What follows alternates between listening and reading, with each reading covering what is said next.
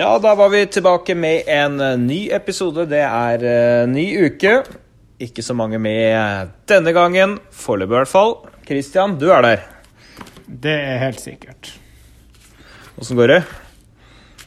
Nei, det går brukbart. Det som vi prata om litt tidligere. Det er litt ukjent farvann og litt eh, opp og ned. Og litt uh, slitasje på uvante plasser og litt uh, litt synsing og prøving, men eh, vi er med godt mot.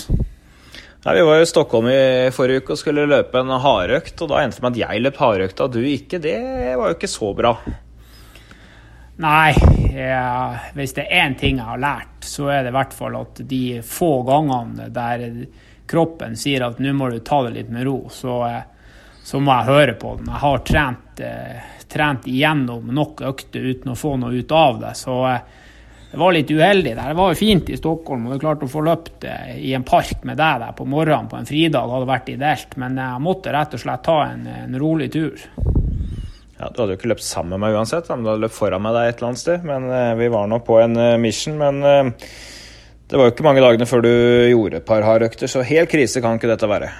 Nei, nei, nei. nei. Altså, forskjellen her er på å være 100% skadefri og være 90-95. Og jeg har vært mye 90-95 lenge, så jeg prøver liksom å gjøre de små grepene, som at de der små vondtene som kan bli verre, ikke blir verre, og forhåpentligvis at de blir borte, sånn at vi er skadefri.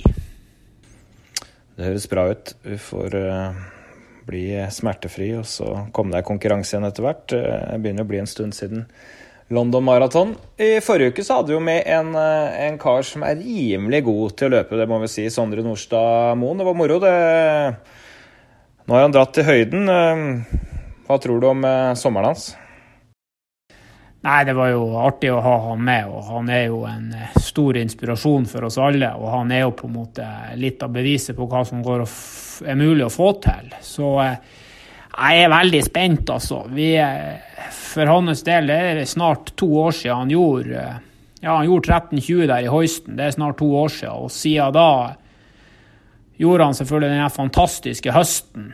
Og så har det egentlig vært en 18 eh, tøffe måneder. Sikkert mest mentalt, men eh, jeg tror han kommer tilbake nå. Jeg bare håper at de ikke eh, pumper på med for mye for tidlig.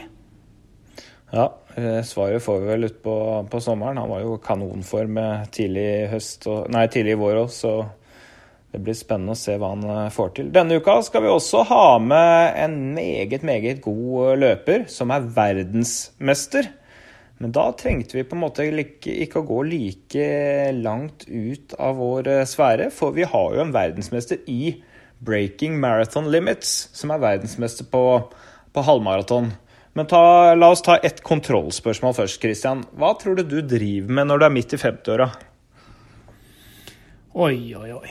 Nei, jeg får, eh, jeg får si at jeg, jeg, håper og tror at jeg spiller golf og slapper av, og at jeg ikke springer. For at eh, hvis jeg springer om 20 år, da, er, da har jeg Uff, da har vi mange tunge år foran oss, altså.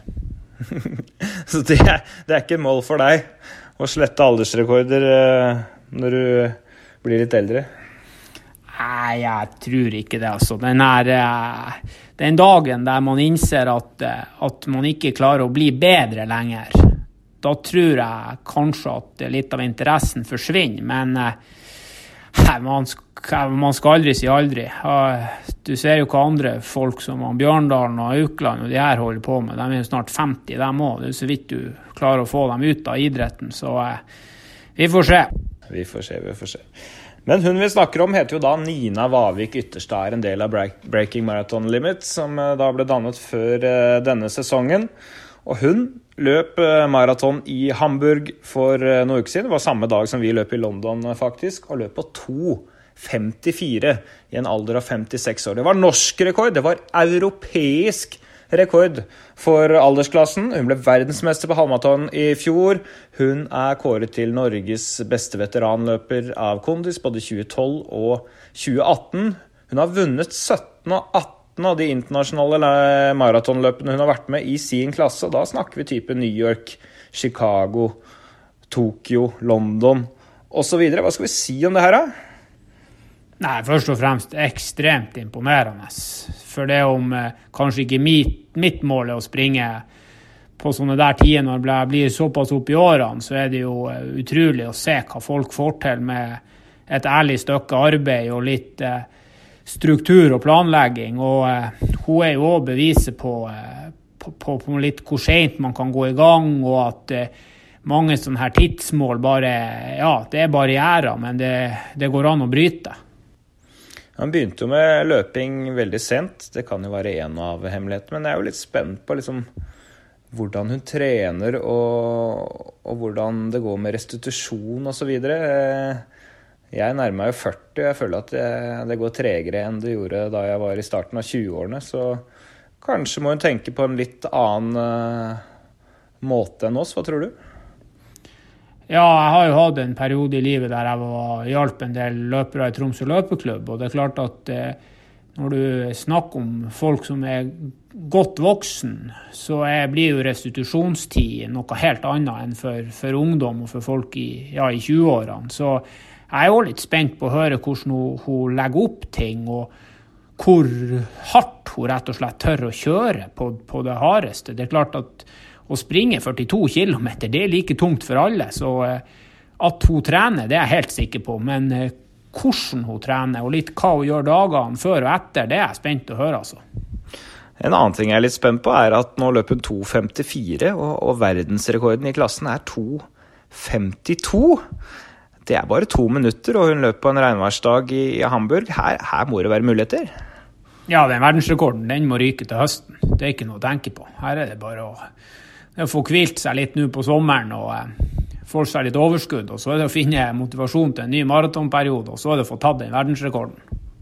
Vi får se om vi kan komme inn på temaet, for uh, hun er ikke den som liker å skrike ut målsettingene sine. Men uh, vi skal prøve å lure oss inn på, på temaet. Men da stikker jeg over til Nina, ja, så tar vi en prat etterpå. Den er god. Ha det. Ja, da har jeg forflyttet meg fra Christian til Helsedirektoratet, og der fant jeg deg, Nina. Her jobber du? Ja, her har jeg eh, Ikke akkurat her, men i Helsedirektoratet har jeg jobbet i 15 år. I august. Så her er jeg godt kjent. Ja. Så alle som er her på Storo, ser deg komme løpende da tidlig på morgenen og inn hit? Ja, noen av dem eh, ser meg komme løpende. De som er her tidlig, ser det. Ja.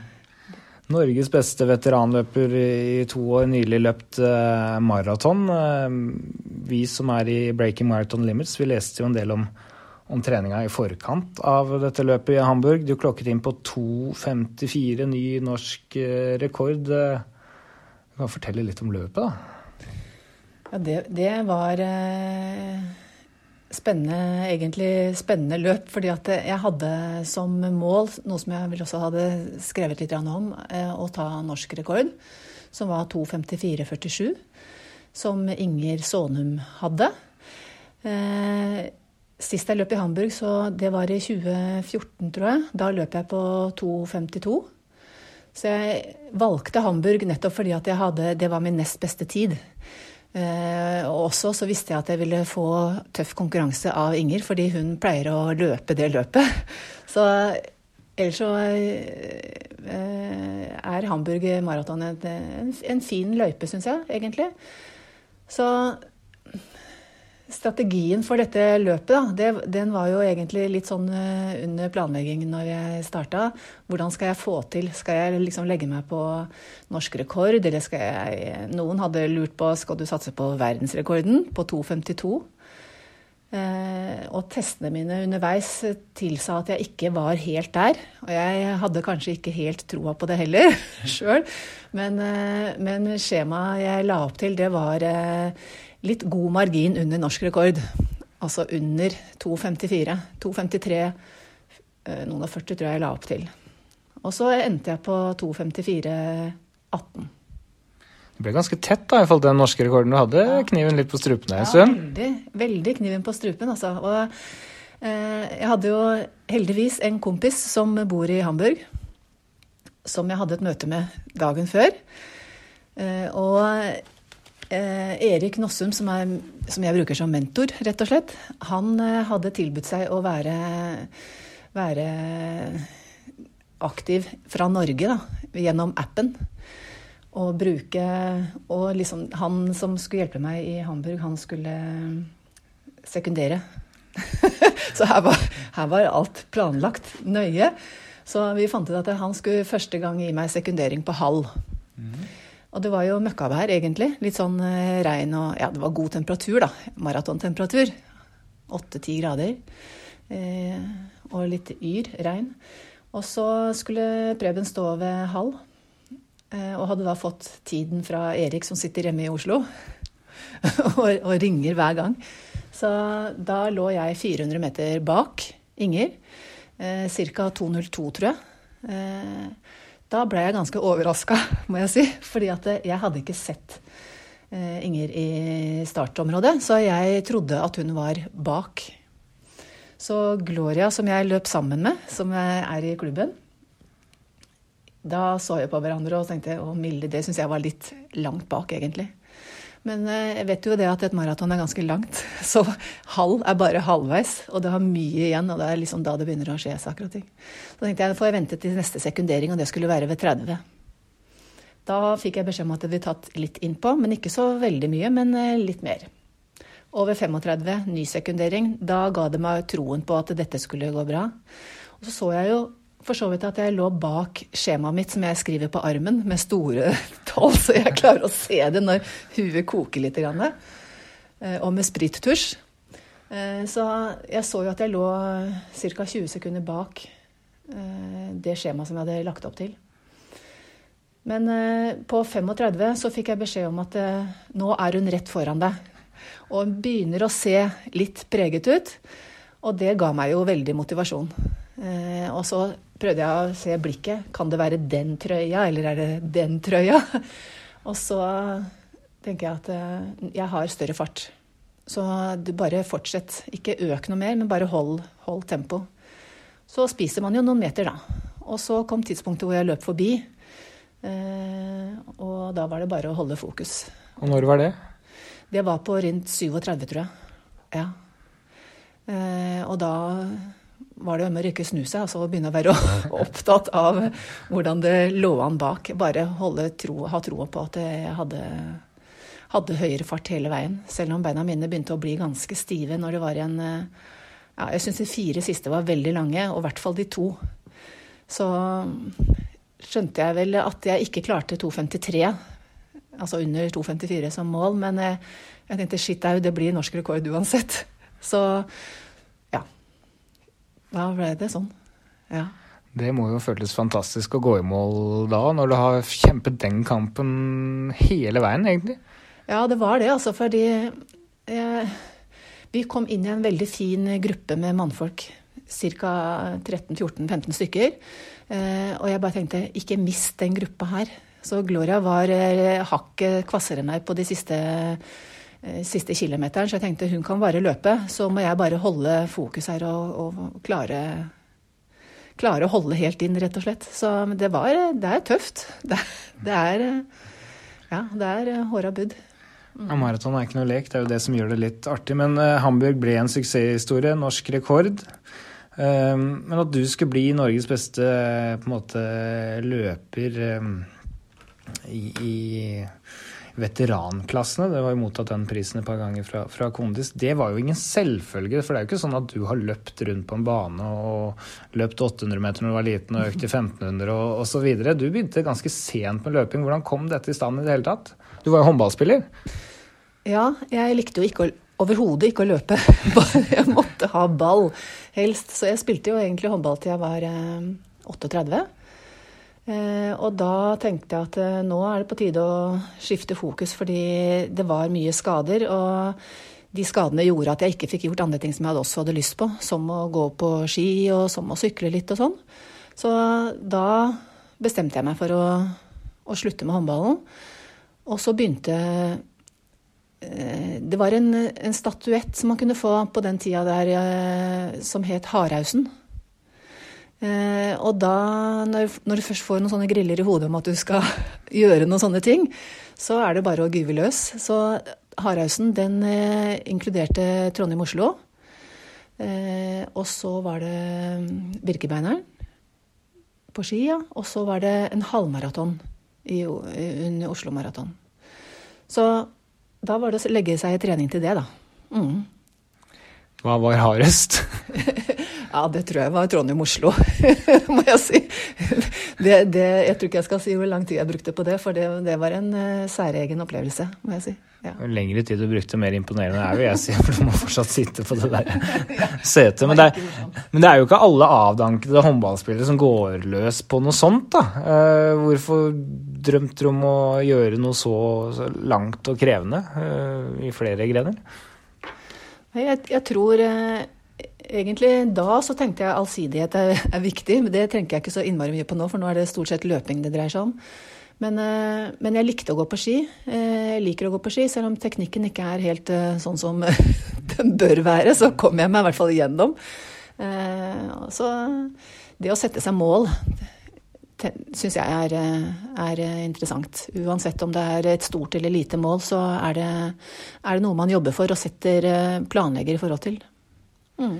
Men hvordan gikk det med den halvmaratonen, da? For det er jo det som er spennende i et løpsperspektiv. ja, den halvmaraton, da var målet mitt å løpe under to timer. Og det greide jeg akkurat. Og når jeg kom i mål, så var jeg så sjuk. Så jeg tenkte aldri mer. Jeg kasta opp, og jeg var helt tom for energi. Så jeg tror ikke Jeg vet ikke hvordan, eh, hva jeg tenkte egentlig da. Men eh, jeg kom meg gjennom. Ja, det gikk noen år før jeg tok mitt neste halvmaraton. det, gikk, det, gikk, noen år, ja. Du ble ikke umiddelbart uh, bitt av basillen, og da var du noen og 30 år? Ja, da var jeg vel noen og 30 da. Da var jeg kanskje Ja, jeg var vel en 38 da. Ja, noe sånt noe. Mm. Mm. Det er jo spennende. Når vi sier at du er Norges beste, eller jeg sier at du er Norges beste veteranløper, så, så er det jo et par eh, informasjoner vi må, vi må ha ut. Og det ene er eh, familiesituasjonen, for det preger en treningshverdag eh, og, og, livet for øvrig. Eh, hva er situasjonen? Nå har jeg voksne barn. To voksne gutter som ikke bor hjemme, og som greier seg helt sjøl. Eh, og ikke har jeg barnebarn. Eh, men jeg har en hund, og jeg har en mann. Og de greier seg også ganske mye sjøl. Eh, før eh, så brukte jeg, løp jeg mye turer med hunden, en engelsk setter, som var glad i å løpe. Det kan han dessverre ikke lenger nå, for nå har han fått prolaps og forkalkninger i hofta. Du har slitt ut hunden, ja? Du har slitt den ut. Eh, og, så han er det mannen min som tar seg av. Men jeg har eh, heldigvis en mann som eh, forstår at eh, jeg trenger å få lov til å løpe for å ha hodet mitt på plass, for å si det sånn. Jeg må være glad og fornøyd, ja. Da har du valgt en klok, klok mann. ja. Nå skal jeg bryte en etikette, for nå skal jeg rett og slett spørre hvor gammel er du nå? Nå er jeg 56 og et halvt år. Mm. Og, og, jeg spør jo om det rett og slett for at folk skal skjønne hvor imponerende tider du, du løper på. 2,54 på maraton når du er 56 år, det er noe de fleste av oss sliter med uansett hvor gammel du er. Så det, eh, det sier ikke så rent eh, lite, akkurat det. Men vi var altså på slutten av 30-åra vi da når du hadde løpt en halvmaraton på, på, rett under to timer. Og tok deg et par års pause fra konkurranse. Hva skjedde? Hvordan kom du inn i det igjen? Nei, men da øh, Ja, hva skjedde? Så begynte jeg Jo, så begynte jeg Jeg, jeg syns jo for så vidt jeg, jeg, liker Jeg likte jo etter hvert å løpe, da. Så meldte jeg meg inn, eller så var jeg med på noen sånne løpegrupper eh, til løpelabbet. Veldig uforpliktende og veldig hyggelig. Eh, bare å møte opp utenfor butikken, og vi løp intervaller i Slottsparken. Eh, det var jo helt nytt for meg, å løpe sånne type intervaller. Så, men vi blei en veldig fin gjeng eh, med gode trenere. Øystein Sylta, blant annet. Blant andre. 2,15 på maraton? Ja, ikke sant. Og så, så, begynner man jo å sette seg flere forskjellige mål, da. Så hadde jeg lyst til å løpe 10 km under 40 minutter. Og så spurte jeg Øystein hva, hva, hva må jeg gjøre for å få til det. Og da han hadde bare ett enkelt svar, det var bare å trene mer. så så da begynte jeg å, å trene mer. Noen doble økter. Og så når du først har et konkurranseinstinkt, så, så, ligger på en måte det der. Eh, så da sier det seg sjøl at det, det, er det du jobber med, og du jakter på det Du jakter på det målet du har satt deg, da. Mm. Virker som du er ganske bestemt når du først har bestemt deg. Ja, det, det tror jeg. Jeg tror, jeg tror det, det, ligger nok eh, litt i meg, det, ja. Men var dette bare drevet av et mål, eller ga løpingen deg noe annet utover det? Noe sosialt eller mentalt, eller hvordan var dette? Begge deler, tenker jeg. Både sosialt og mentalt. Det, jeg, altså det er den derre mestringsfølelsen når man klarer eh, det målet man har satt seg. Eh, så det begynte jo egentlig med at en konkurrerer om sine egne tider, eh, og slå sin egen tid. Eh, og så etter hvert, så når du klatrer litt på resultatlista, så begynner du å, å, få lysten til å, å, bli blant de beste, da. Blant de kanskje ti beste, og så blir du blant de fem beste, og så har du lyst til å strekke det litt og se hvor langt man kommer, da. Så det er hele tiden et eller annet nytt man kan gjøre for å forbedre seg sjøl, og det er vel egentlig det jeg driver og jakter på. Det er den, det perfekte. Så, det perfekte ja, løpet? Det perfekte løpet, ja. Det, det ligger der. Mm. Nå har du endt opp som, som, verdensmester. Du ble verdensmester i fjor på, på halvmaraton. Eh, det var vel i Spania. Mm. Så du har kommet veldig langt. Eh, men du jakta på da en tid på under 40 på én mil. Det er jo ingen hemmelighet at du, at du klarte det. Men hvor dukket maraton opp i bildet? Ja, det var etter en, etter en stund, det. Jeg, jeg, løp min første maraton i 2009, så det er egentlig tiårsjubileum. Eh, og da tenkte jeg at jeg, jeg kan jo ikke slutte å løpe før jeg har løpt en maraton, så jeg må jo prøve meg på det. Og da begynte jeg å trene og valgte ut eh, Tromsø, som er for øvrig det eneste løpet jeg har løpt i Norge. men det er absolutt et løp som jeg kan anbefale. Kjempespennende. Eh, og da hadde jeg et mål om å løpe under tre timer. Så eh, når jeg står der så, så på startstreken, så treffer man jo folk når man står og prater litt og sånn. Så ble jeg kjent med en som heter Øystein, og spurte han om eh, hva han eh, hadde tenkt å løpe på. Og han, jeg tror han, det var hans første også, så han sa hva han hadde tenkt å løpe på. Så spurte jeg kan jeg få ligge i ryggen din ja da, det kunne jeg få lov til. Og der lå jeg klistra til ryggen hans til det var igjen eh, ja, 500-600 meter. Da forsvant han. Da var jeg forsynt, for så vidt. Men, eh, men eh, kom inn på 2,57 og fikk en bronse i NM. Det var forresten NM, ja. og da snakker vi seniorklassen ja, i en alder av 46 år. Ja, noe sånt. Ja, riktig. Mm. Bronse i maratondebuten, ja. Hva tenkte du da? Det ga blod på tann, vet du. Ja. Så det var jo veldig gøy. Og det som jeg syns er fint med, med, Midnight Sun Marathon, som det heter, det, de, de, har et fantastisk arrangement dagen etterpå eh, for alle med premieutdeling og bunadskledde folk, og gjør stor stas på, på vinnerne og de som er med. Det syns jeg er eh, det, det, er veldig, det er en del av den pakka, da. Mm. Hva tror du er grunnen til at det gikk såpass bra i den første maraton? Hadde du trent ekstremt bra? Har du et ekstremt talent for dette, eller hva tror du selv? Nei, jeg tror ikke jeg, jeg, tror ikke jeg har noe sånn talent. Holdt jeg, eh, ikke sånn. Altså, målbevisst trening mot det man eh, skal oppnå, det tror jeg er nøkkel. Så hadde jeg funnet eh, treningsprogrammet til Maraton Bakken som jeg følger, og som har, jeg har fulgt på alle mine 19 maraton. Det er jeg veldig fornøyd med, det, det programmet som eh, er der. Så jeg er litt sånn strukturert firkanta i, i, hodet. Så jeg følger skjema, for å si det sånn. Jeg, jeg er ikke så veldig som tar ting på sparket. Det kunne jeg kanskje ha vært, men eh, ja. Det kan hende at det er en medvirkende årsak til at jeg har kommet dit jeg er. Ja. Never change a winning Nei. team, er det noen som har uttalt. Og det virker som du ja. har funnet et program som fungerer, da. Ja. Det kan vi gå, gå, litt etter hvert. Men det er altså et program Marius Bakken uh, skrev tamp, på tampen av karrieren, etter bl.a. å ha trent en kompis til å gjøre store forbedringer på maraton på veldig, veldig kort tid. Det finnes på nett. og man kan kjøpe en enkel utgave av det, noe jeg også gjorde tidlig i, i min maratonkarriere. For de som har lyst til å sjekke ut programmet sånn eh, fra dag til dag, så er det ganske detaljert. Men eh, det gikk ikke et par år til neste gang du løp maraton da? Nei, da ble det Så ble jeg egentlig bitt av den maratonbasillen. Uh, og det, det Jeg kan jo være litt sånn til fare for meg sjøl. Fordi at det, når du først er eh, sånn dedikert i forhold til et program, så er det ikke alltid du lytter like mye til kroppen. Fordi du er så oppsatt på å gjøre det som står i programmet. Så det har tatt meg faktisk ti år å lære meg. Eh, så jeg løp vel eh, Jeg tror jeg løp fire maraton på det meste i løpet av et, et år, på en måte. Det blei litt for mye. Da kom skadene. Eh, og det er jo det som ødelegger for motivasjon, rett og slett. Det er de skadene som eh, man blir belemra med når du ikke klarer å lytte helt eller justere deg underveis. Da.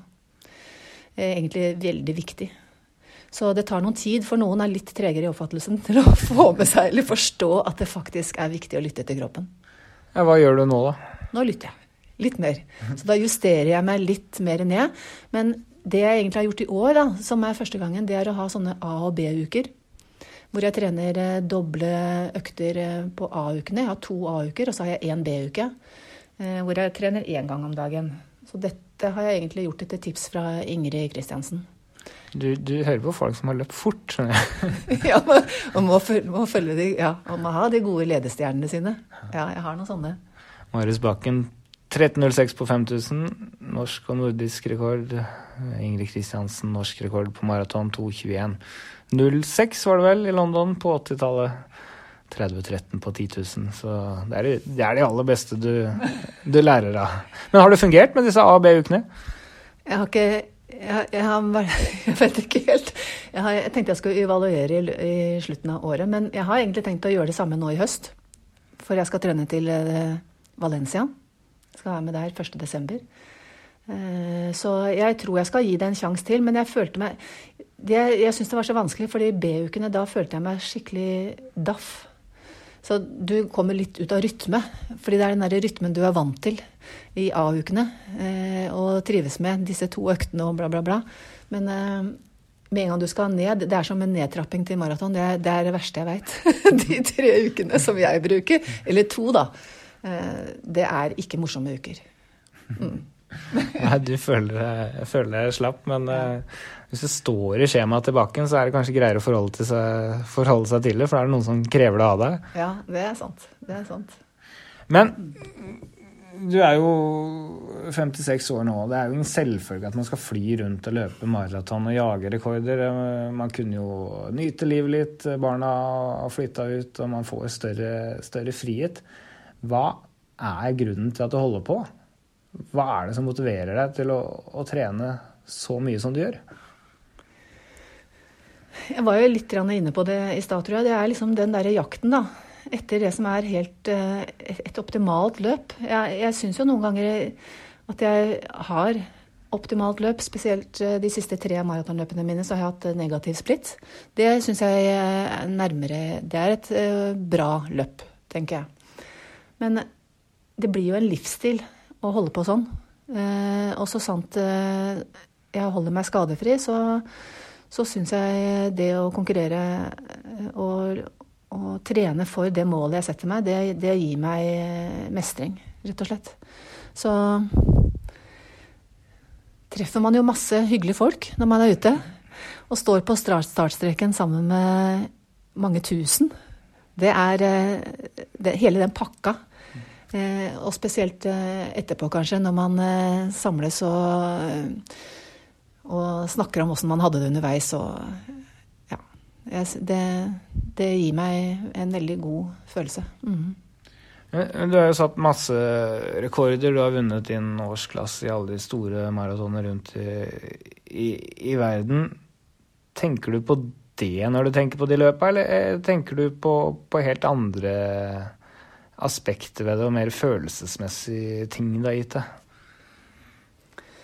Nei, jeg, jeg, jeg, jeg tror, den, jeg tror det, det, det gir meg sånn eh, mest, Jeg tror Altså sånn den derre mestringsfølelsen Jeg kommer til, på, tilbake på det igjen. Men bortsett fra Hamburg, da, som, som jeg visste at Inger Sonum var på samme startstrek, så vet jeg jo aldri hvem, som, hvem jeg konkurrerer med, hvem som er mine motstandere. Det så det aner jeg jo ikke. Uh, så det er alltid spennende når du kommer i mål. Du vet, du, vet, du aner ikke hvor du ligger an. Eh, så, så, det er jo mitt eget mål som jeg har satt meg før jeg begynner å trene til maraton, som, som, ligger bak der.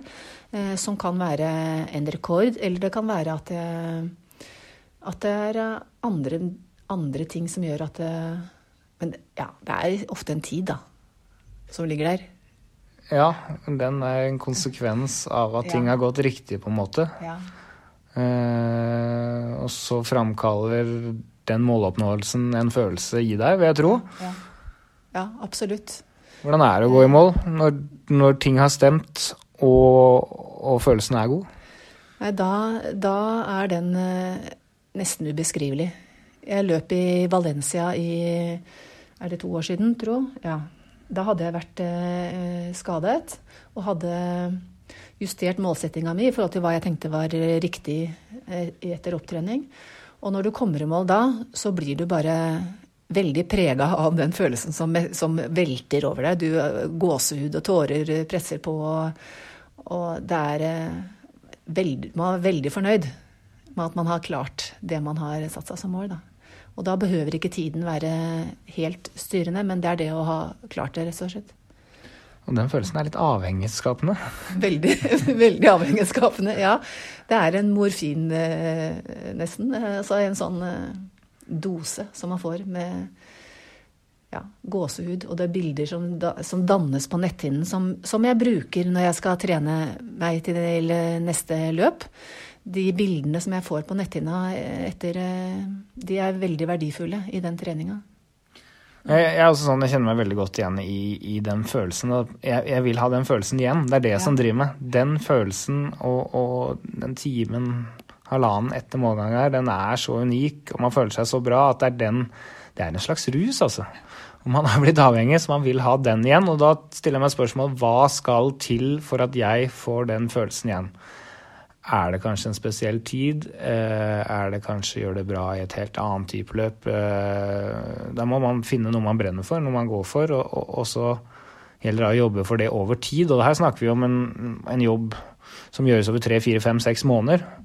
Og det ligger jo betydelig dårlig vær og tunge dager også inni der, og det er det som gjør noe av den følelsen så god, da. At man har jobbet over tid, og så klarer det. Mm. Dessverre så går det jo ikke hver gang, men hadde det vært lett som en løk, så hadde ikke den følelsen vært så god antagelig heller. Mm. mm. Og da er jo spørsmålet hva skal til for at du skal få den følelsen enda en gang?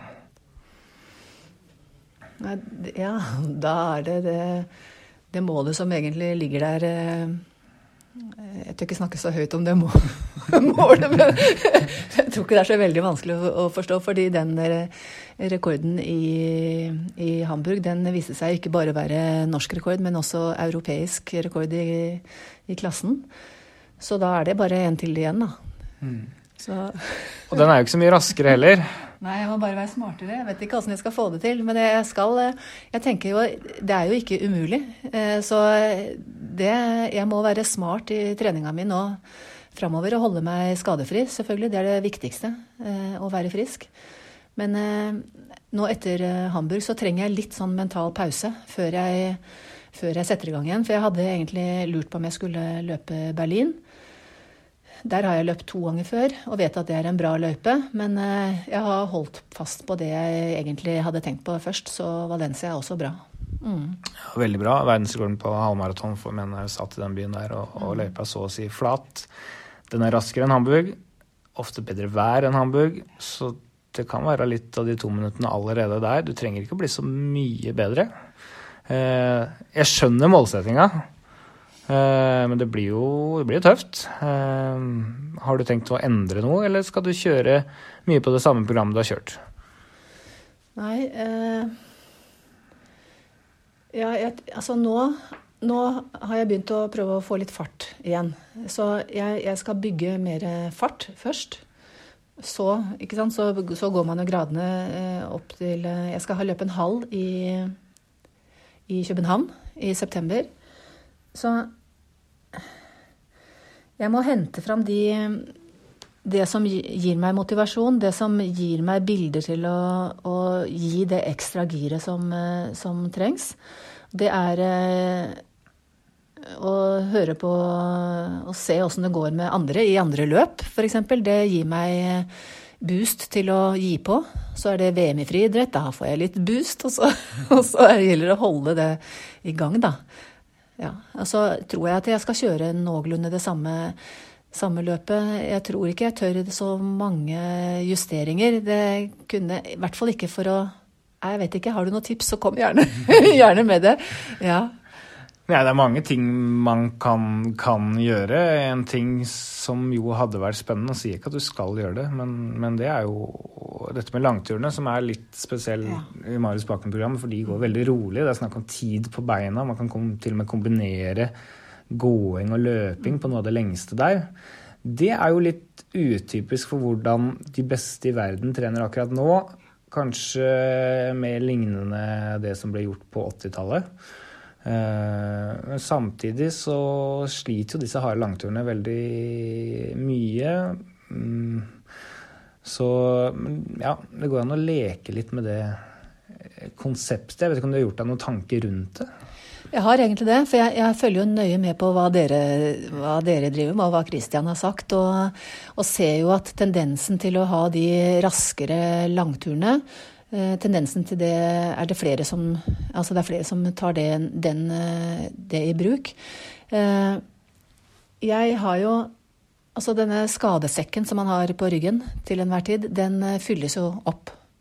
Og jeg tror at, at det er litt sånn viktig for meg som har blitt godt voksen, å, å prøve å holde disse skadene unna. Og jeg, derfor så tror jeg at for meg så er det viktigere å ha roligere langturer. Det kan hende Jeg prøver meg jo noen ganger å jukse litt i skjemaet.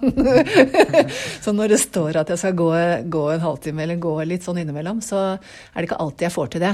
Eh, og så må jeg kanskje si at eh, i det programmet til Marius Bakken så så er det stort sett intervalløktene jeg følger eh, ganske slavisk, men jeg har jo en del, god del mer mengde. Eh, og det tror jeg også har med kjønn og alder å gjøre, at jeg trenger det. Så hvis jeg trener til et 2,45-skjema, som jeg har gjort nå de siste gangene, så er jo ikke jeg der. Men jeg, eh, neste skjema er tre timer, så jeg har valgt å velge Jeg har valgt å bruke 2,45-skjema, og så har jeg en god del mer mengde. Mm. Han legger opp treninga si sånn at du egentlig skal ja, trene mot fem eh, og ti kilometer og halvmaraton først, og så kommer den litt sånn maratonspesifikke delen på slutten. Og det er jo veldig likt veldig mange driver med. Det er en, en oppdeling som, som, egentlig er veldig normalt også på, på toppnivå. Så, så, der gjør det eneste som skiller seg ut, er egentlig dette med, med langturene. Du kan fortelle litt om den, de typene intervaller du gjør òg, for det er jo ganske intensitetsstyrt, dette her. Ganske detaljert sånn sett. Mm.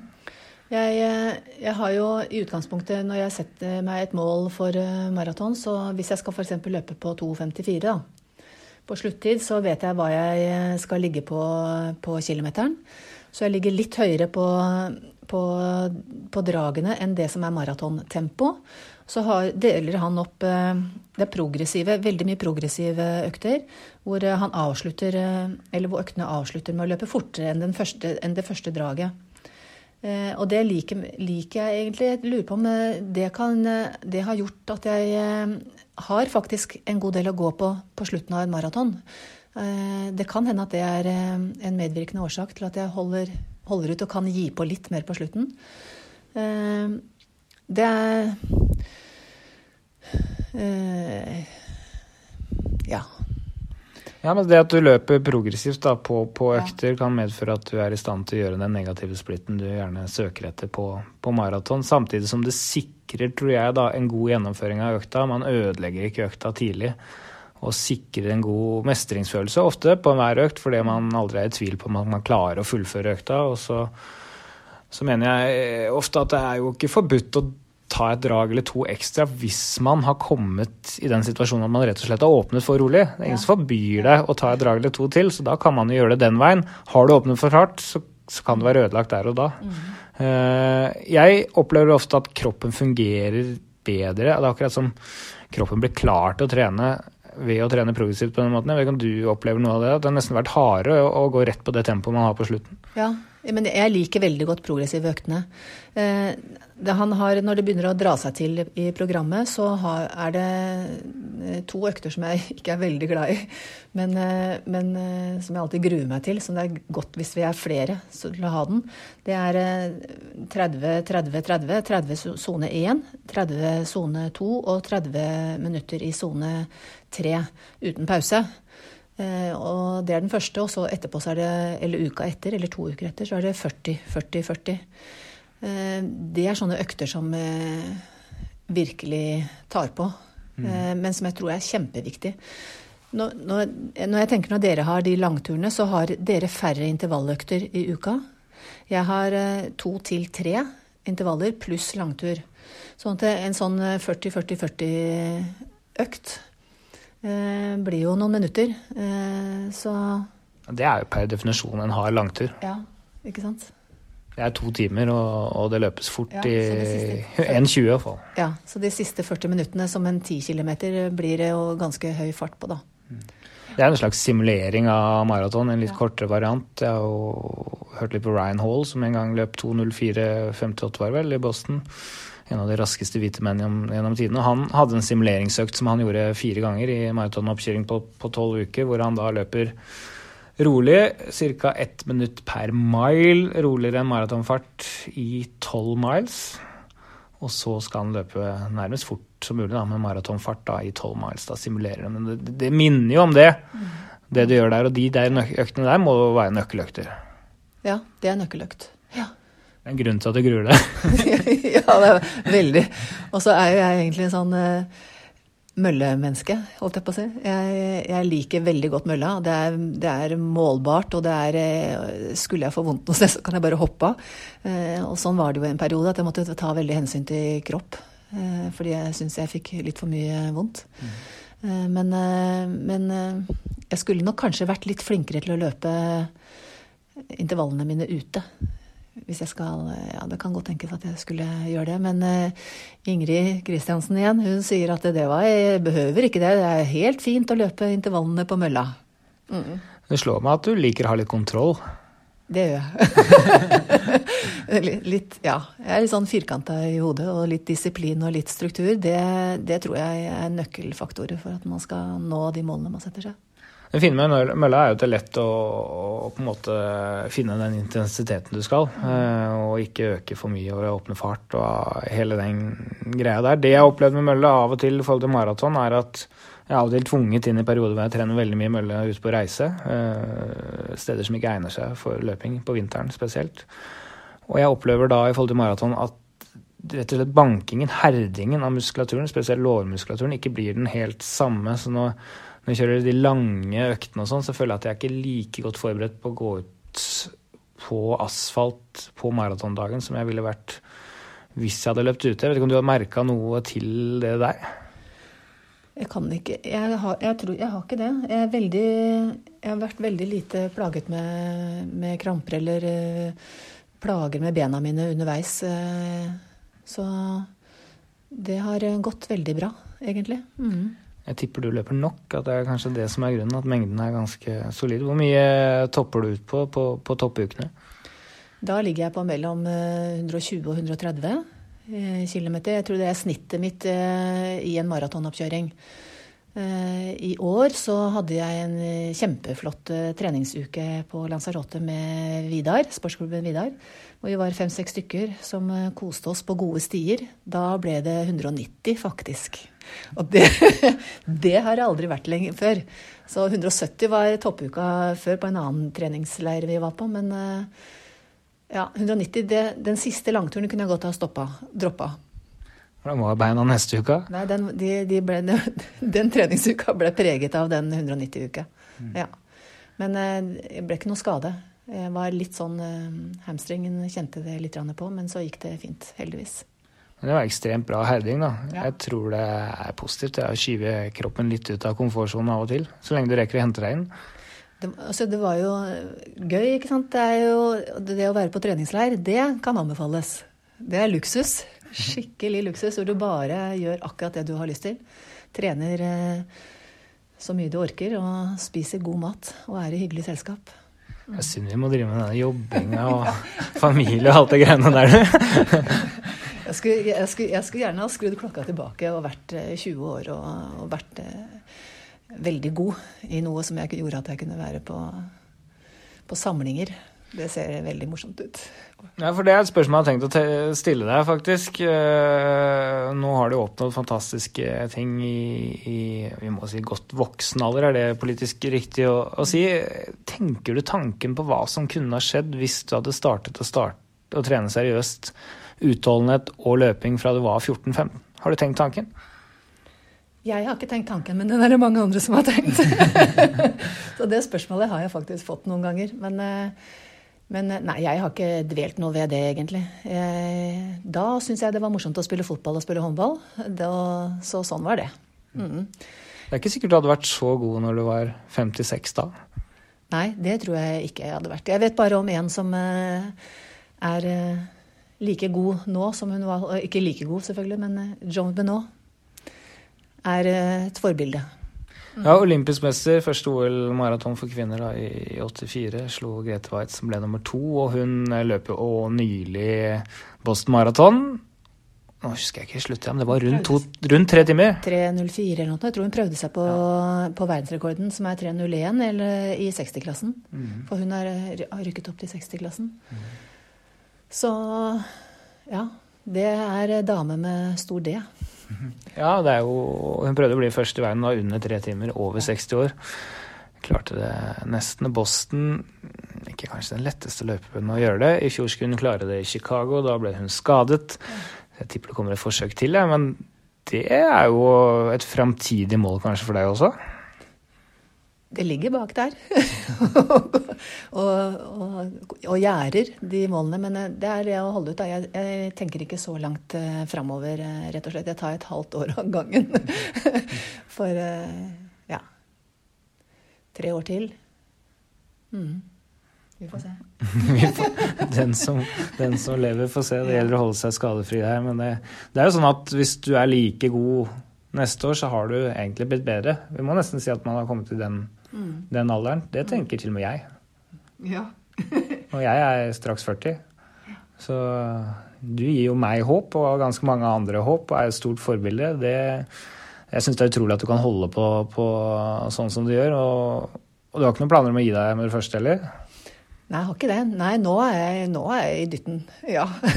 jeg tenkte nok på det for et par år siden. når jeg når det var eh, litt for mye skader og operasjon og litt av hvert. Men, eh, men nå har jeg ikke de tankene. Nå er det fullt kjør. Mm. Nå er det vår, været er bra. Det er hyggelig å være løper igjen når man er skadefri. Ja, foreløpig norsk og europeisk rekord på maraton i år. Så får vi se om du kan ta ytterligere et steg i løpet av uh, sommeren og, og, høsten. Vi skal uh, følge med, i hvert fall. Tusen takk for at du var med her. Ja, det var uh, Nina, det, Christian. Det er uh, dame med orden i sysakene. Huff. Hun, er, hun har kontroll, altså. Det blir spennende å se hva hun kan få til, og det er jo utrolig imponerende. Hun er målbevisst. altså Hun gjør de her små testløpene. Hun har rimelig kontroll underveis. Hun har jo en enorm disiplin på gjennomføring av løpet. Følger planen, drikker. Ja, det blir spennende å se om den verdensrekorden ryker. Det er spennende med dette momentet hun har hentet fra Ingrid Kristiansen med A- og B-uker. Hver tredje uke er det trening én gang om dagen og litt lavere volum. Hva, hva, tenker du om å gjøre ting på den måten? Nei, Jeg tror det der kan være en, en god måte på å få periodisert både på mengden og på den totale belastninga som, som, kroppen åpenbart må ha i de der to andre ukene. Hun trener jo forholdsvis mye òg, og det er klart det Ja, hun er jo ei godt voksen dame, men hun gir gass. Så jeg tror det der er lurt. Jeg tror kanskje det der 2-1-systemet passer hun godt.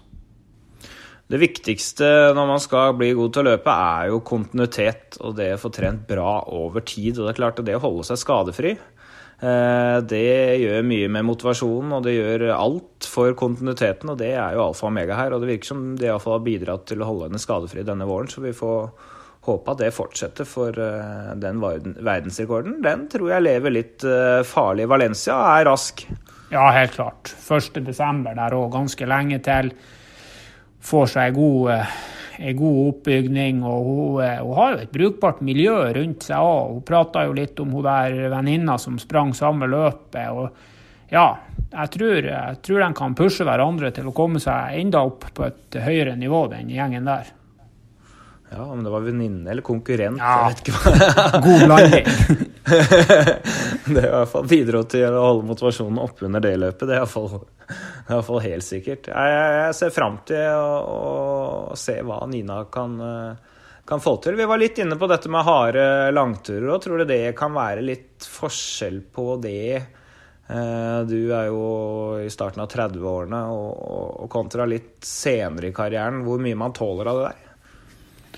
Ja, det, jeg tror det handler først og fremst om inngangen og utgangen til den langturen. Jeg tror hun tåler òg å springe hardt eh, ganske ofte hvis hun hviler eh, to-tre dager etterpå. Men jeg syns det er vanskelig å generalisere. og hun, Jeg syns hun har funnet et såpass bra system. Hun har fremgang. Jeg tror vi skal være forsiktige med å gi henne noen sånne der eh, store retningsforandringer her. Altså til syvende og sist er løping enkle greier. Og eh, det som du sa i sted, altså får hun trent og god kontinuitet og ikke skader, så tror jeg òg hun blir bedre.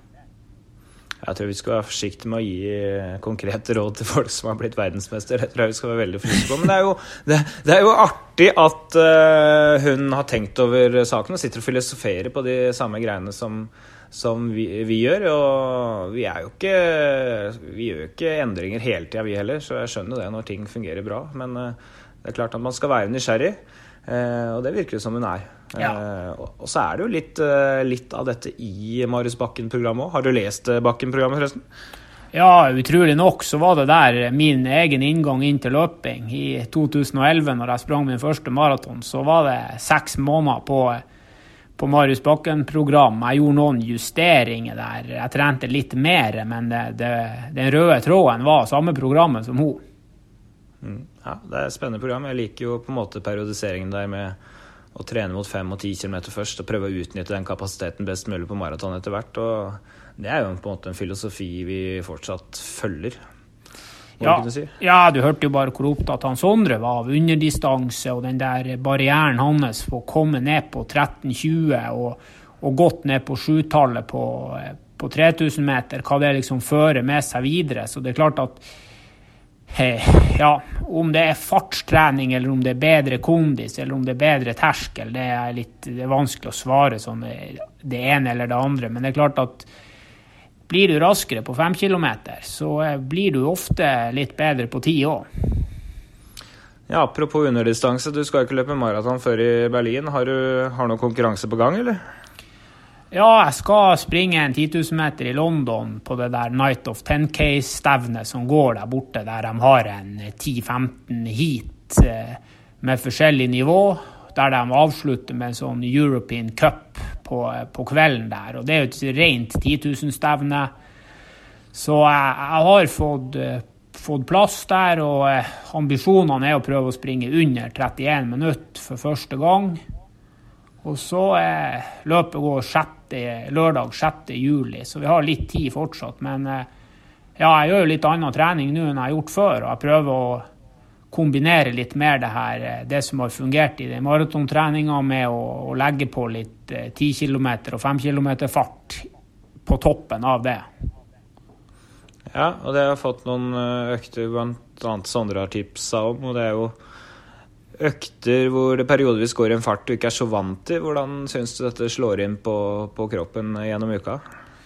Eh, jeg syns foreløpig at det har eh, for min del, hvis vi gjør det enkelt, og så sier vi at tre blank er, er mellom 5000 og 3000 meter fart, så syns jeg det har gått eh, Å springe 72-runder har gått rimelig greit. Både på 400 meter og litt lengre drag. Men når jeg kommer ned på sånn 68 og ned mot 66 på 400 meter, så syns jeg egentlig at det, det, det blir både anspent, og det blir unormalt. Altså, det er en fart der som jeg, jeg, ja, jeg behersker det ikke i det hele tatt. Men jeg prøver litt og håper jo at hvis jeg klarer å springe ganske avslappa på 68, så skal det være litt lettere å springe på 72. Så clouet er jo også å tørre å ha litt lengre pauser. Jeg er vant til å kjøre intervaller på, på ei fart som jeg behersker, sånn 3.20 til 3.15, der jeg har korte pauser.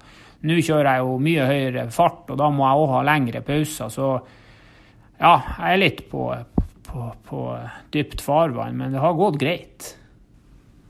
Målet må jo være at dette skal gå billigere på 74 runder, for det er nok til å løpe under, eh, under 31. Det blir spennende å se åssen det slår ut. Men det er litt uvant for deg, så du har kanskje ikke den helt store feeling med hvordan du, du ligger an per nå?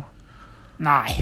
Er, hvis, hvis, jeg skulle stilt opp på en konkurranse om ei uke på 10 km, så er jeg, så er jeg veldig spent egentlig på hvor fort jeg kunne løpt. Det, det føles ut som jeg er i bra form, men eh, men ja, det er 25 runder på en bane er brutalt. Jeg har bare løpt eh, ordentlig bra 10 000 meter-løp, og det var i fjor sommer i Oslo i ganske bra varme, og da løp jeg 31,49. Så eh, ja, vi får se.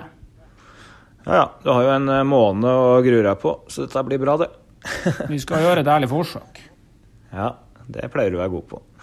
Ja, men Det er bra. Da ble vi mer kjent med Nina i dag. Det var uh, morsomt. Og, og vi satser på å komme tilbake med mer, vi da. Så da høres vi. Hei da.